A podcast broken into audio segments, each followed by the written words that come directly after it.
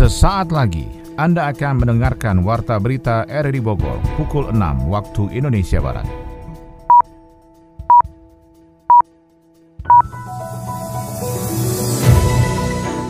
Selamat pagi, salam jumpa. Kami hadir kembali dalam Warta Berita edisi hari ini, Selasa 24 Oktober 2023. Informasi ini juga turut disiarkan melalui audio streaming lewat RRI Play dan juga disiarkan lewat Radio Tegak Beriman Kabupaten Bogor, Jawa Barat dan Anda bisa akses di Spotify RRI Bogor.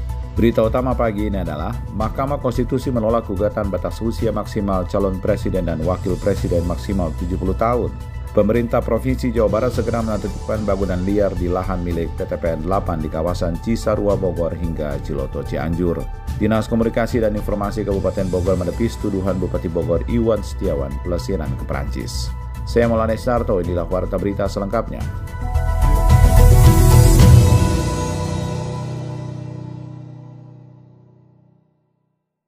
MK menolak gugatan uji materi Undang-Undang Nomor 7 Tahun 2017 tentang Pemilihan Umum mengenai batas usia calon presiden dan calon wakil presiden maksimal 70 tahun. Ketua MK Anwar Usman dalam sidang pengucapan putusan ketetapan di gedung MK RI Jakarta kemarin menyatakan menolak gugatan penggugat untuk seluruhnya. MK berkesimpulan bahwa permohonan tersebut telah kehilangan objek.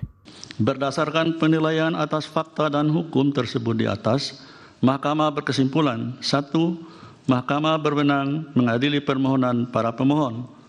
Dua, para pemohon memiliki kedudukan hukum untuk mengajukan permohonan akuo. Tiga, pokok permohonan para pemohon sepanjang pengujian norma pasal 169 huruf D Undang-Undang 7 2017 adalah tidak beralasan menurut hukum. Empat, pokok permohonan para pemohon sepanjang pengujian norma pasal 169 huruf Q Undang-Undang 7 2017 adalah kehilangan objek. Berdasarkan Undang-Undang Dasar Negara Republik Indonesia tahun 1945 dan seterusnya, amar putusan mengadili satu menyatakan permohonan para pemohon sepanjang pengujian norma pasal 169 huruf Q Undang-Undang 7 2017 tidak dapat diterima. Dua, menolak permohonan para pemohon untuk selain dan selebihnya. Pendapat berbeda, dissenting opinion, terhadap putusan Mahkamah Konstitusi aku, Hakim Konstitusi Suhartoyo memiliki pendapat berbeda dissenting opinion sebagai berikut. Dissenting dianggap dibacakan.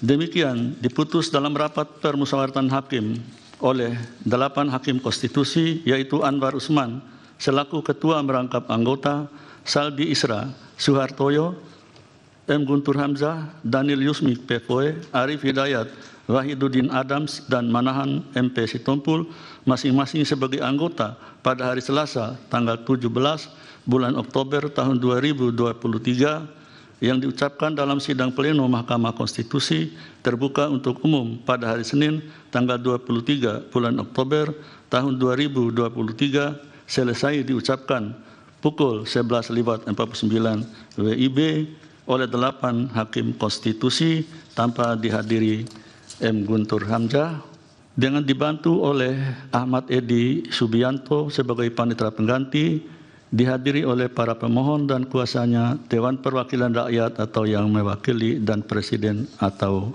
yang mewakili. Gugatan uji materi Undang-Undang Pemilu diajukan oleh tiga warga negara Indonesia bernama Wiwit Arianto, Rahayu Fatikasari, dan Rio Saputro yang diwakili 98 orang advokat tergabung dalam Forum Aliansi 98 dan pengacara pengawal demokrasi serta hak asasi manusia. Dinas Komunikasi dan Informasi Kabupaten Bogor memberi tuduhan Bupati Bogor Iwan Setiawan pelesiran ke Prancis dan menghabiskan anggaran APBD. Kunjungan bersama dengan Direksi PDM Tirta Kahuripan itu untuk kerjasama pengembangan teknologi layanan air bersih. Laporan Yofri Haryadi.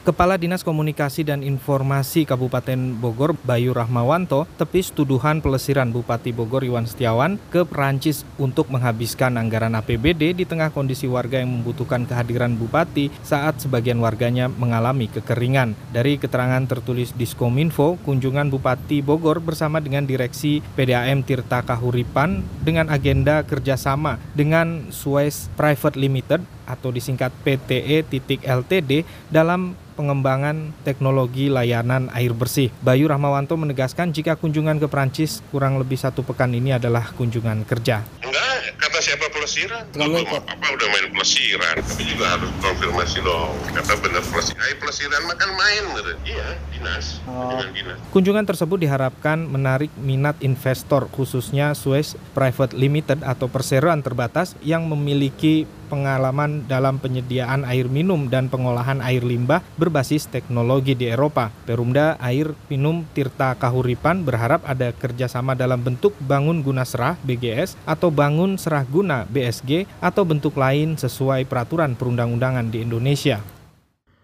Pemerintah Kota Sukabumi akan mengintensifkan program tanggap bencana tagana masuk sekolah agar anak-anak dapat diedukasi sejak dini bagaimana meminimalisir dampak bencana. Berikut laporan Adi Fajar Nugraha. Dinas Sosial Kota Sukabumi menggelar simulasi tanggap bencana di SDN Surya Kencana CBM dalam rangka melakukan upaya mitigasi bencana di satuan pendidikan. Program yang bernama Tagana Masuk Sekolah itu terus masif dilakukan di sekolah-sekolah agar anak-anak dapat diedukasi sejak dini bagaimana meminimalisir dampak bencana. Kepala Bidang Rehabilitasi Sosial Dinas Sosial Kota Sukabumi Abdul Muiz menjelaskan, anak-anak dianjurkan bagaimana cara menyikapi ketika bencana terjadi dan minimalisir dampak dari bencana itu sendiri. Hal ini diharapkan dapat menjadi bekal pengetahuan bagi anak-anak serta dapat menyebar luas meluaskan pengetahuan mitigasi bencana kepada teman sebayanya. Abdul Muiz menuturkan bahwa ke depan program Tagana Masuk Sekolah atau TMS akan melakukan roadshow ke beberapa sekolah lain di kota Sukabumi.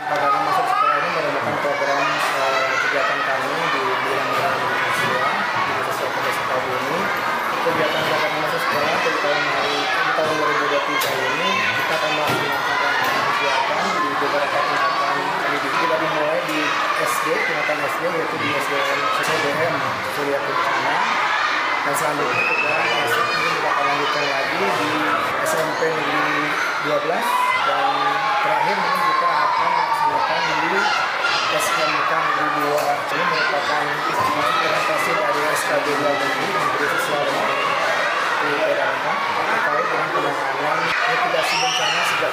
Sementara itu, Kepala SDN Surya Kencana CBM, Usep Bagja, menyambut baik adanya program TMS sebagai simulasi bencana. Hal itu dinilai penting untuk anak-anak sebagai wawasan mitigasi bencana yang harus dilakukan sejak dini. Diharapkan dengan adanya program simulasi bencana, para peserta didik dan guru di sekolah bisa lebih memahami kondisi jika terjadi bencana dan mengetahui apa yang harus dilakukan untuk upaya penyelamatan. Tentunya sangat menyambut baik kegiatan seperti ini karena kegiatan seperti ini memang sangat dibutuhkan, sangat diperlukan mudah-mudahan jadi bekal untuk anak-anak apabila terjadi sesuatu terkait bencana mereka sudah paham harus seperti apa. Jadi sekali lagi saya sangat menyambut baik dan terlihat juga anak-anak guru-guru sangat antusias mengikuti kegiatan ini. Kami berharap tidak satu kali ini saja bisa berkesinambungan, bisa berkelanjutan sehingga memang transfer ilmu itu ke anak kan tidak bisa sekaligus harus berkesinambungan dengan harapan tadi anak-anak mampu menyerapnya dan mengaplikasikannya dalam kehidupan seperti diketahui, wilayah Sukabumi menjadi salah satu zona merah di Indonesia terhadap potensi bencana. Pemerintah Kota Sukabumi secara berkelanjutan akan terus mendukung program mitigasi bencana agar seluruh masyarakat dapat teredukasi dengan baik bagaimana upaya meminimalisir resiko atau dampak dari bencana alam.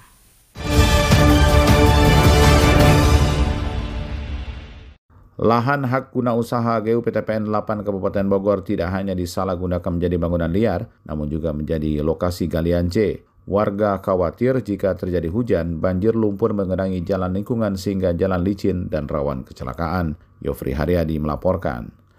Lahan HGU PTPN 8 yang ada di Kabupaten Bogor tidak hanya disalahgunakan menjadi bangunan liar dan merubah fungsi lahan seperti peruntukan awalnya di Desa Sukaresmi, Kecamatan Sukamakmur, Kabupaten Bogor, HGU lahan milik PT PN 8 dikonsesikan kepada PT Bukit Jonggol Asri menjadi lokasi galian C yang besar dan menjadi kekhawatiran warga jika terjadi hujan deras di sekitar galian. Sekda Kabupaten Bogor, Burhanuddin menegaskan kepada camat dan kepala desa untuk proaktif melakukan peneguran dokumen dan aktivitas galian tersebut, terlebih aktivitas yang dilakukan mulai berdampak pada perlintasan dan pemukiman warga. Di timur memang yang pernah kalian namanya juga sama, ada beberapa tanah yang digali secara liar.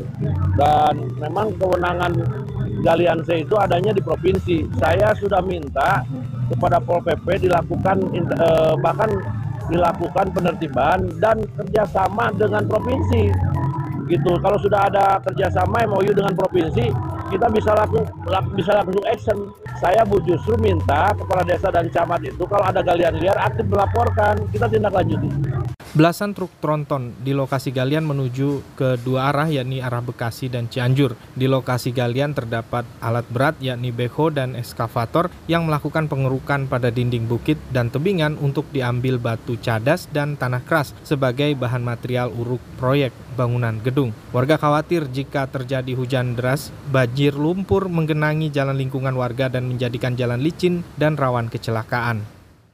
Pemerintah Provinsi Jawa Barat segera menertibkan bangunan liar di lahan milik PT PN 8 di kawasan Warpat Cisarua Bogor hingga Ciloto Cianjur Jawa Barat. Selain ditempati PKL sebagai lahan juga ada yang sudah berdiri bangunan rumah tinggal, villa dan restoran. Kembali Yofri Haryadi melaporkan. Pemerintah Provinsi Jawa Barat melakukan kunjungan kerja ke lokasi lahan milik PT PN 8 yang ditempati para pedagang kaki lima di kawasan Warpat Cisarua Bogor hingga Ciloto Cianjur Jawa Barat. Ada aset yang nantinya akan dikelola pemerintah Provinsi Jawa Barat untuk pariwisata. Belum diketahui secara pasti apakah kedatangan Pemprov tersebut berkaitan dengan habisnya masa HGU sejumlah penggarap lahan pada 2023 ini dan akan diperbaharui kembali. Akan tetapi, dari beberapa data yang diperoleh Pol PP Kabupaten Bogor, ada penggarap yang ternyata sudah memiliki sertifikat hak milik sebagian lahan yang sudah berdiri bangunan rumah tinggal, villa, dan restoran. Meski demikian, Pol PP Kabupaten Bogor masih melakukan pemeriksaan mendalam bersama Dinas Perumahan dan Kawasan Permukiman dan Pertanahan. Artinya sampai Justru berkembang Pak, tadinya 40, jadi 88, sekarang jadi 144. Katanya memiliki bukti kepemilikan tanah, di antaranya SPH, akte dan lain sebagainya. Dan ini sedang didalami oleh pengawas bangunan tata bangunan. Dan itu pemberlakuannya tadi dilakukan pendalaman, penuturan 1, 2, dan 3. Ketika mau dibongkar Pak, langsung dibongkar muncul nah, di hari Selasa.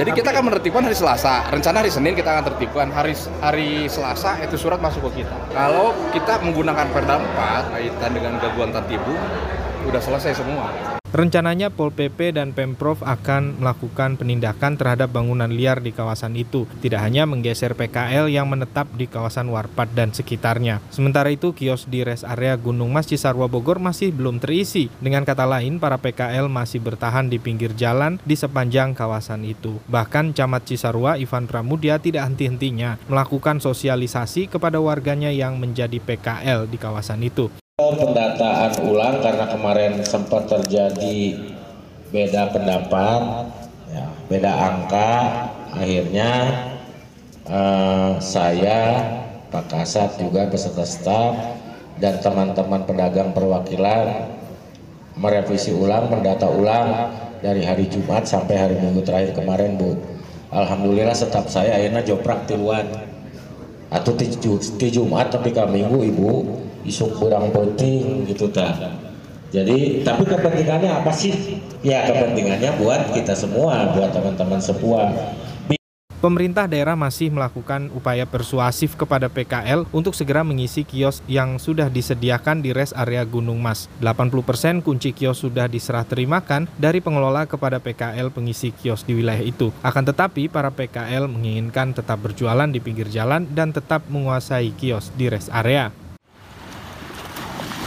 Bro, bro, awas bro, bobong dulu nih sampahnya. Eh. Nah, beres deh. Apaan tuh? Ya sampah bekas kita camping lah bro Apalagi Kenapa dibuang ke laut? Emang mau dibuang ke mana lagi bro? Nggak ada lagi nih Kan tahu di laut tuh banyak kehidupan Ada ekosistemnya Kalau rusak gimana? Ya tahu sih Tapi mau gimana coba? Ya diambil sampahnya bro Berenang nih bro Iya berenang Ambil sampahnya I Iya dah berenang deh berenang Mari sama-sama menjaga bumi Nusantara ini tetap aman lestari agar bermanfaat bagi kehidupan manusia dan makhluk hidup di dalamnya.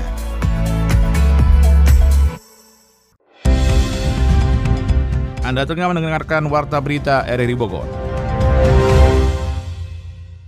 Kebakaran tempat pembuangan akhir TPA Cikundul Kota Sukabumi diduga karena ada kandungan gas metana dan cuaca panas yang semakin memicu api di lokasi kejadian. Jumlah area TPA yang terbakar diperkirakan mencapai 5.000 meter persegi. Adi Fajar melaporkan.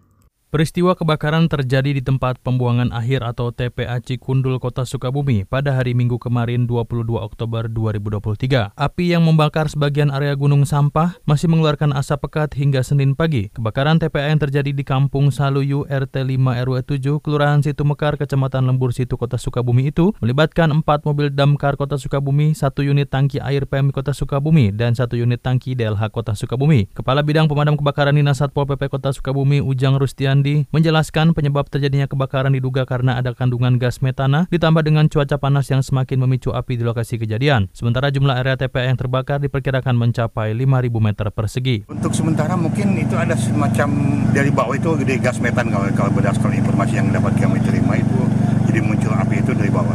Yang yang terbakar mungkin lumayan lumayan uh, luas juga. Yang pasti kondisi lahan yang apa lahan yang terbakar karena mungkin di situ lebih banyak plastik atau apa mungkin agak sedikit kita ada agak lama untuk penanganan. Tidak ada korban jiwa atas kejadian tersebut. Hingga Senin siang, petugas damkar masih berjaga di lokasi untuk menyisir seluruh titik api dan memastikan seluruh api telah padam untuk selanjutnya dilakukan pendinginan. DPRD Kota Bogor segera menerampungkan perda angkot dengan masa umur 20 tahun. Penyusunan dan rancangan peraturan daerah itu sudah memasuki tahap finalisasi. Sony Agung melaporkan. Perjalanan raperda angkutan umum terus berlangsung dengan adanya sejumlah masukan dan tanggapan dari semua pihak seperti sopir angkot, pengusaha angkutan umum, pemerintah, dan operator bis kita Transpakuan. Ketua Pansus Raperda Angkutan Umum Edi Darmawangsa menjelaskan untuk penyusunan rancangan peraturan daerah tersebut sudah memasuki tahap finalisasi dari semua tanggapan masyarakat yang masuk. Dalam raperda itu memutuskan bahwa umur angkutan kota hanya bisa mencapai 20 tahun sedangkan selebihnya harus bisa mengikuti prosedur aturan karena adanya batasan usia tersebut. Kemudian untuk rerouting angkot dan angkutan massal juga mendapat rekayasa untuk pengumpan dan backbone. Namun untuk angkot juga masih bisa melintas sistem satu arah lingkar Istana Kebun Raya Bogor. Angkot itu 20 tahun sesuai dengan aspirasi yang kita terima dari komunitas angkot. Ya itu yang paling krusial. Kita mengusulkan juga angkot dapat subsidi. Rerouting itu masih tetap sesuai dengan apa yang direncanakan oleh Pemkot. Angkot ke depan akan jadi feeder, membawa penumpang dari jalur umum ke jalur utama. Di jalur utama, bis kita, jangka panjangnya mungkin ada tren. Sama, SSA salah satunya. Tapi bukan berarti angkot hilang. Lewat SSA, sebagai lintasan bisa. Selanjutnya Raperda ini akan masuk ke dalam draft persetujuan dari pemerintah Provinsi Jawa Barat untuk dapat diundangkan dalam lembaran negara. Dirinya berharap Raperda itu dapat segera rampung sehingga ada kepastian hukum dalam sistem transportasi massal di Kota Bogor. Wali Kota Bogor meminta pemasangan alat peraga sosialisasi pemilu 2024 memperhatikan keindahan lingkungan. Sony Agung melaporkan. Pemerintah Kota Bogor bersama KPU dan Bawaslu dan juga partai politik melakukan pengaturan pemasangan alat peraga sosialisasi pemilu 2024. Hal itu untuk menghindari adanya potensi gangguan keamanan saat alat peraga sosialisasi tersebut terpasang di sembarang tempat yang terjadi beberapa waktu lalu dengan adanya pencabutan alat peraga tersebut. Wali Kota Bogor Bima Arya menjelaskan untuk pemasangan alat peraga sosialisasi sudah ada koordinasi dari KPU, Bawaslu, dan Muspida tempat di mana tempat yang diperbolehkan sebagai lokasi alat peraga tersebut. Pemerintah Kota Bogor menyediakan videotron di semua titik untuk tempat pemasangan alat peraga sosialisasi kontestasi, semua partai politik bisa mengakses dengan gratis sehingga bisa memberikan ruang kepada kontestan pemilu untuk lebih optimalkan proses tahapan pemilu. Kemudian pihaknya juga menekankan dalam pemasangan alat peraga sosialisasi memperhatikan keindahan lingkungan sehingga pemilu berlangsung dengan aman dan damai. Kita ingin agar tahapan pemilu di Kota Bogor ini bukan saja lancar, tapi juga membahagiakan dan mencerahkan untuk semua. Dan itu hanya bisa dilakukan ketika frekuensinya sama, ketika komunikasi lancar. Makanya di sini saya bersyukur uh, semua ketua partai hadir, Bawaslu, KPU, uh, eh, dan kita awali dengan menyepakati satu hal yang menjadi concern bersama, yaitu bagaimana caranya agar sosialisasi kandidat bisa ada ruangnya, tetapi Kota Bogor ini tetap tertib. Nah, kita coba cari titik temunya. Jadi ada beberapa kesepakatan. Yang pertama Eh, kita sepakati bahwa boleh sosialisasi sepanjang tidak ada visi misi karena itu tidak melanggar aturan itu nanti sampai masa kampanye kalau masa kampanye kan boleh visi misi nah kalau sementara itu ketua KPU Kota Bogor Samsudin menganggap proses sosialisasi ini tetap berlangsung dengan aman damai tanpa adanya efek gangguan keamanan ketertiban. Pelaksanaan pemilu dengan riang gembira harus tetap berlangsung dengan memperhatikan aspek ketertiban lingkungan sehingga semua bisa berjalan sesuai koridor aturan dengan tidak mengganggu kegiatan masyarakat. Ya intinya mah kita semua sepakat bahwa uh, apa uh, pemilu sebagai apa namanya uh, pesta demokrasi lima tahunan itu harus dilaksanakan secara meriah gembira dan meriah gitu kan semua uh, pihak harus merasakan kemeriahannya dari mulai e, masyarakat kemudian peserta pemilu. Nah, tapi di satu sisi kita juga sebagai warga Kota Bogor harus memastikan agar e, Kota Bogor ini tetap indah, tetap nyaman, tetap rapi e, dan tidak berantakan. Nah, oleh karena itu dibutuhkan sebuah kesepakatan dan kesepahaman bersama agar di satu sisi e, apa e, pemilunya meriah dan riang gembira, di sisi yang lain e, apa e, apa apa uh, apa kota kita tetap rapi dan tertata. Maka ada kesepakatan tadi disepakati oleh uh, kita semua bahwa untuk di uh, apa semua titik videotron itu akan difasilitasi untuk partai politik menyampaikan sosialisasinya. Selanjutnya KPU dan Bawaslu akan melakukan pengawasan terhadap proses sosialisasi yang saat ini berjalan dan untuk masa kampanye pihaknya akan melakukan komunikasi dan koordinasi dengan Muspida agar ada tempat khusus untuk pemasangan alat peraga kampanye berasal dari wilayah Kampung Cijahe. Kesenian ini diciptakan oleh Kidalang Derajat Iskandar, seorang budayawan Sunda di kota Bogor. Terbuat dari bambu yang dianyam menjadi bagian tubuh dan kepala, diberi hiasan baju dari kertas, manik-manik, dan kain. Bagian wajah tidak diberi cat dan tidak memiliki mimik wajah agar tidak menghilangkan unsur estetik dari anyaman bambu itu sendiri. Berbeda dari biasanya yang mengangkat kisah Ramayana dan Mahabharata, kesenian ini justru mengangkat cerita yang terinspirasi dari problematika kehidupan modern. Inilah wayang bambu, kesenian asli Kota Bogor.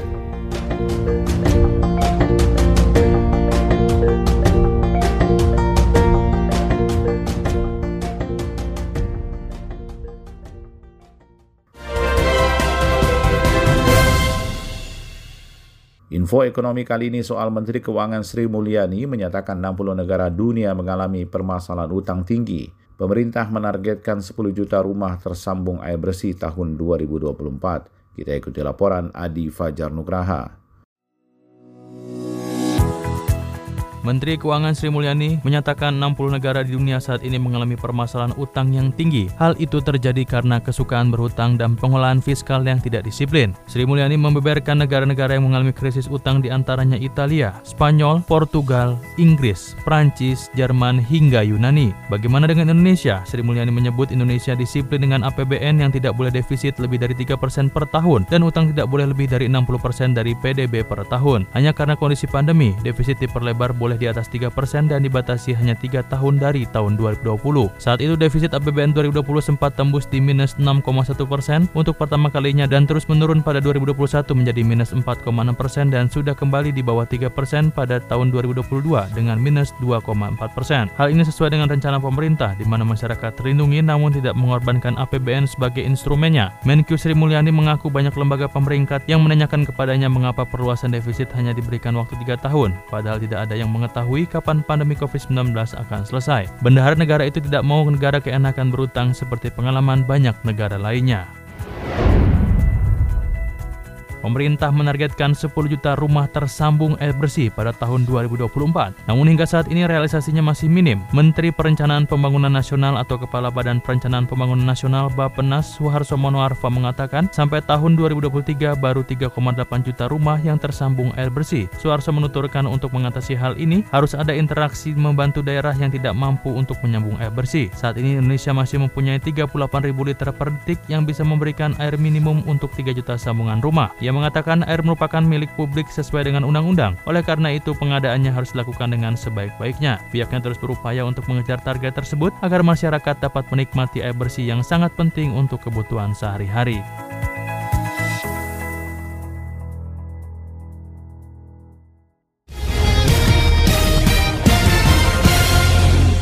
Info olahraga, Indonesia berhasil meraih medali pertama di Asian Para Games 2023 Hangzhou melalui Suparniati dari cabang olahraga atletik. Indonesia Martial Art Games ke-1 diikuti 2.000 atlet dari seluruh Indonesia yang bertanding di Kota Bogor 21 hingga 23 Oktober 2023. Kita ikuti informasi selengkapnya bersama Ermelinda.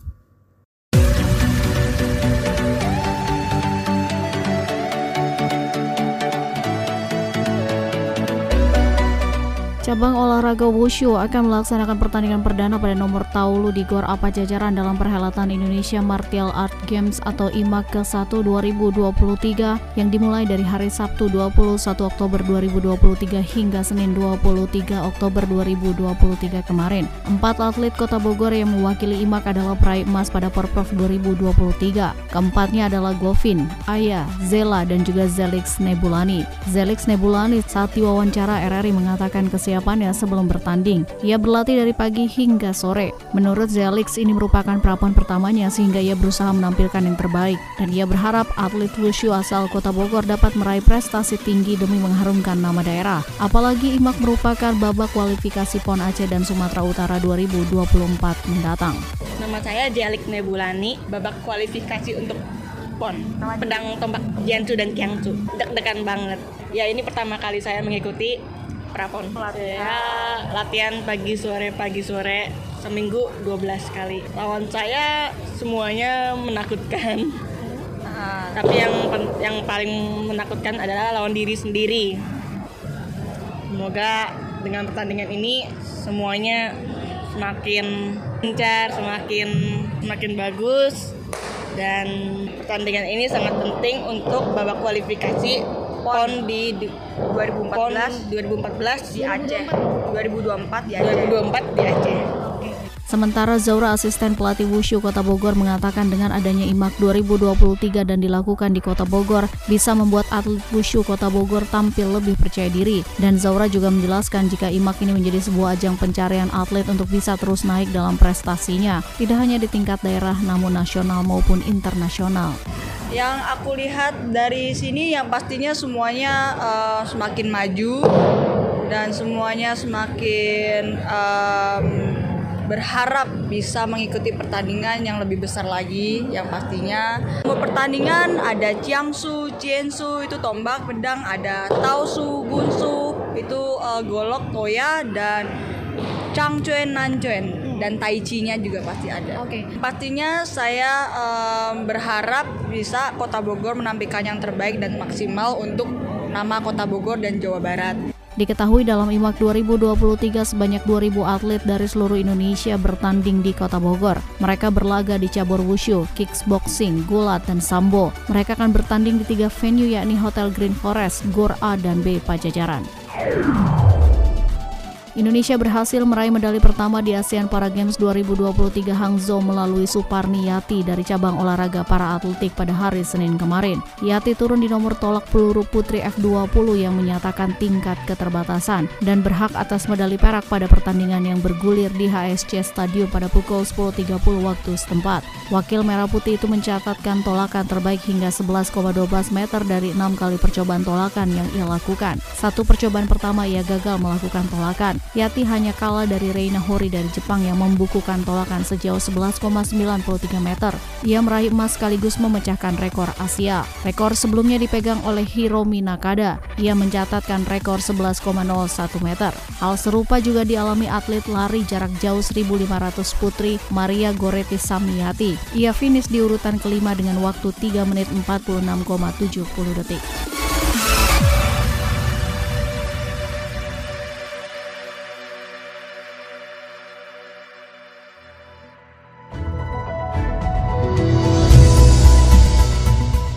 Demikian rangkaian informasi yang kami hadirkan di Warta Berita RRI Bogor pagi ini. Sebelum berpisah, kami kembali sampaikan berita utama. Mahkamah Konstitusi menolak gugatan batas usia maksimal calon presiden dan wakil presiden maksimal 70 tahun. Pemerintah Provinsi Jawa Barat segera menentukan bangunan liar di lahan milik PTPN 8 di kawasan Cisarua Bogor hingga Ciloto Cianjur. Dinas Komunikasi dan Informasi Kabupaten Bogor menepis tuduhan Bupati Bogor Iwan Setiawan pelesiran ke Perancis. Saya Molanes Narto bersama tim bertugas pada hari ini mengucapkan terima kasih atas perhatian Anda. Selamat pagi dan sampai jumpa.